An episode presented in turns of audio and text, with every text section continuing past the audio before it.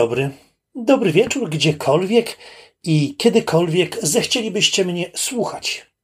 W 59 odcinku Nadmorza wita wszystkich swoich słuchaczy Piotr Wiktor Lorkowski. Kolejnych odcinków mojego podcastu można słuchać na jego macierzystej platformie, czyli na Ankorze. Podcast ten znajduje się także w aplikacji MPGO oraz w formie wideo na YouTube i na Instagramie.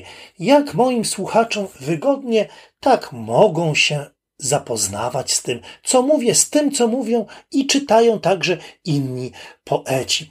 Mówiłem Wam już o swoim balkonie, gdzie chętnie lubię odpoczywać, gdzie chętnie lubię pracować. Czasami także z własnego balkonu słucham miasta. I taką ważną oznaką, że Sopot usiłuje wrócić do normalności, są odgłosy z pobliskiej szkoły muzycznej, gdzie ćwiczą kandydaci na wirtuozów. Całkiem niedawnego popołudnia dochodziły stamtąd fragmenty wokalne o mozartowskim brzmieniu, dlatego uznałem, że nie ma chyba lepszego momentu, aby podzielić się z Wami swoimi wrażeniami z lektury wydanego zeszłej jesieni zbioru Piwnica Mozarta Jarosława Trzesieniewskiego Kwietnia. Wydawcą tomu jest Fundacja Duży Format z Warszawy. Autor to postać bardzo ciekawie obecna na poetyckiej scenie. Debiutował w roku 1999 zbiorem w stronę Beethovena, potem jeszcze wydał zbiory Pomarańczowy Zeszyt, Casus Mixtus, Sonaty i Repertoria oraz Nadejście. Z zawodu prawnik mieszka w Mławie. A teraz chciałbym się z Wami podzielić tymi kilkoma refleksjami, które mi jego piwnica Mozarta nasunęła. Posłuchajcie.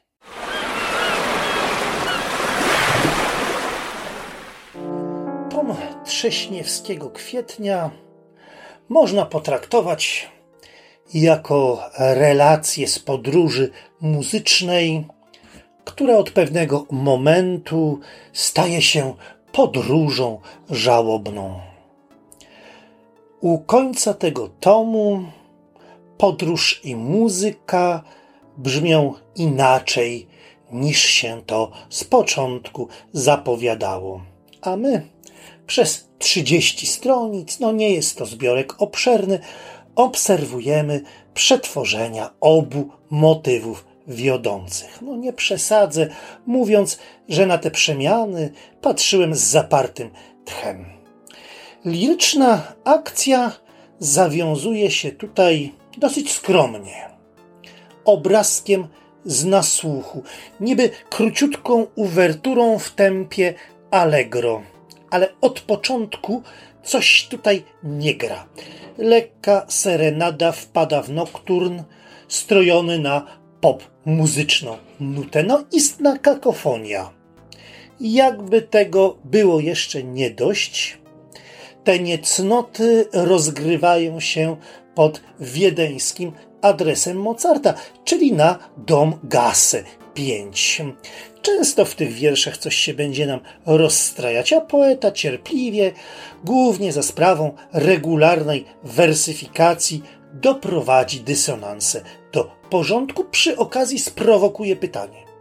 Czy Wiedeń stał się już Mozartem, a może Mozart Wiedniem? Wszak obok Mozarta do słuchania napotykamy tutaj Mozarta do smakowania. Słynne nazwisko zdążyło się już przedzierzgnąć w znak towarowy. Sprzedaje wypieki, bieliznę, od czasu do czasu także wzruszenia.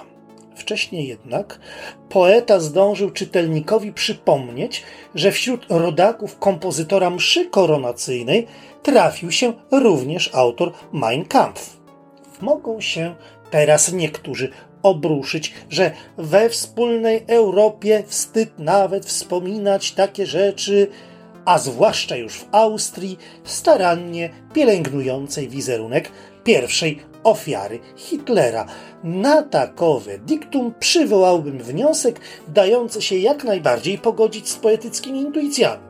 Wspólna Europa jest wciąż kontynentem niepozamykanych rachunków, głównie rachunków moralnych i że tak będzie, dopóki swojego końca nie dobiegnie praca żałoby, bo podróż muzyczna, jak powiedziałem nieco wcześniej, od pewnego momentu przechodzi w żałobną podróż po urnę z prochami dziadka zamordowanego w Mauthausen.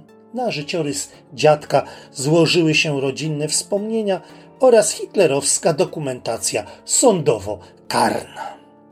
Zbiór Trześniewskiego Kwietnia można więc czytać jako rozprawę z Austrią, z krainą nie tyle mityczną, co krainą fantazmatyczną. Tę krainę zamieszkują szlachetne cienie Mozarta i Beethovena razem z postaciami symbolizującymi świetność habsburskiej dwumonarchii oraz właśnie z niepokojącymi cieniami więźniów obozu koncentracyjnego.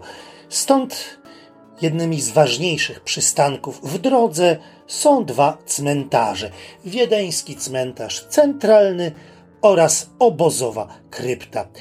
Pierwsze miejsce zyskało rangę nieco sentymentalnego panteonu muzycznych geniuszy. Drugie z tych miejsc odsuwa się w zapomnienie swąd palonych ciał, czuje się tutaj jako rewers zapachu serwowanych turystom smakowitości, oczywiście smakowitości wiedeńskich. Prochów pomordowanych nikt nie uczcił, tożsamość ofiar zatarto w chwili spopielenia. No niby te ofiary milczą, jednak przypominają się głosem wiersza. I tutaj cytat. Moje prochy, twoje prochy, wasze prochy, nasze prochy, nasze mady, nasze ciała, nasza ziemia, twoja ziemia, wasza ziemia, piękna, o Austrio, Felix, szpetna cała. I dalsza część cytatu, dalsza strofa.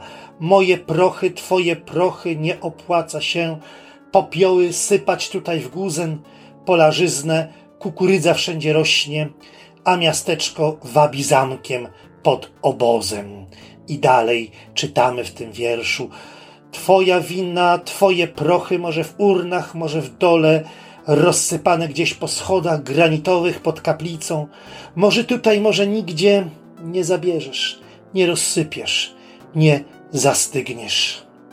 Kantylenę drugą, z której wybrałem ten fragment, opatrzył poeta pod tytułem Cantilena inhonesta, czyli piosenka nieprzystojna. Zaiste skandalem byłoby zdaniem co niektórych powracanie do niegdysiejszych tragedii. Lecz prawda ludzkiego losu bywa dotkliwie nieprzystojna. Czy zatem dałoby się obronić hipotezę, że Trześniewski kwiecień ma do naddunajskiej krainy stosunek ambiwalentny? Po części. Przecież docenia i to docenia od dawna jej artystyczne osiągnięcia, z wielką swobodą posługuje się szczegółami biograficznymi odnoszącymi się do postaci Beethovena.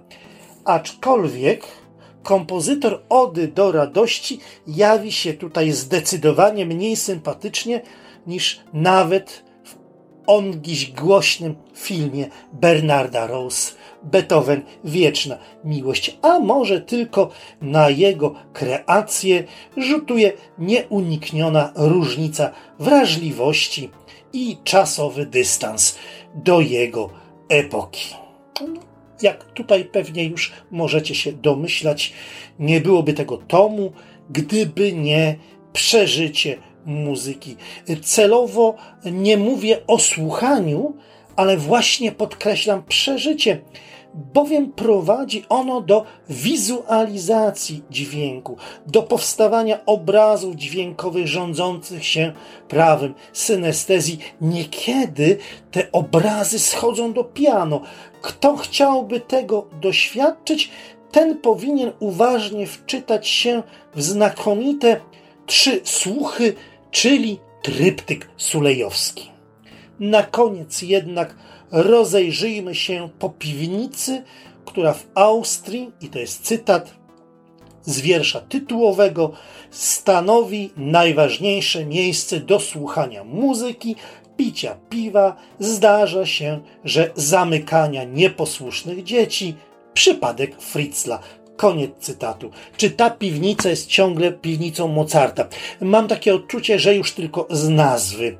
Zmieniła się po prostu w składowisko tego, co szczęśliwa Austria, nękana nieczystym sumieniem, spycha głęboko do podświadomości, a to, co tam jest, niekiedy wychodząc na światło dzienne, domaga się sprawiedliwego osądu.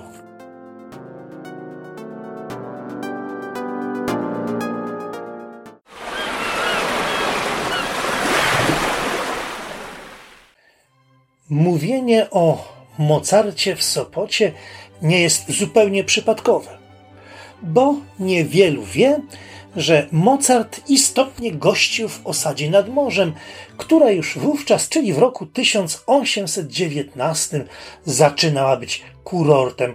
Mówiąc o Mozarcie, mam oczywiście na myśli nie Wolfganga Amadeusza Mozarta, a jego syna Franciszka Ksawerego, zwanego Mozartem Lwowskim. Koncertował tu bowiem w znajdującej się na granicy Sopotu i Oliwy gospodzie Stawowie, bo tutaj spotykało się bardzo eleganckie towarzystwo gdańsko-oliwsko-sopockie i właśnie dla tego towarzystwa grał utwory własnego ojca, a pewnie i własne, bo pianistą był naprawdę utalentowanym i do tego nie z gorszym kompozytorem.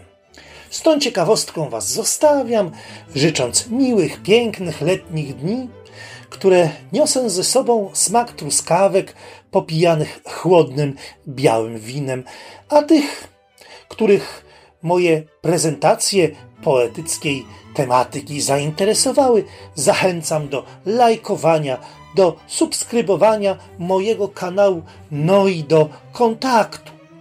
Z Sopotu, z nad polskiego morza, wszystkich swoich słuchaczy pozdrawia Piotr Wiktor Lorkowski.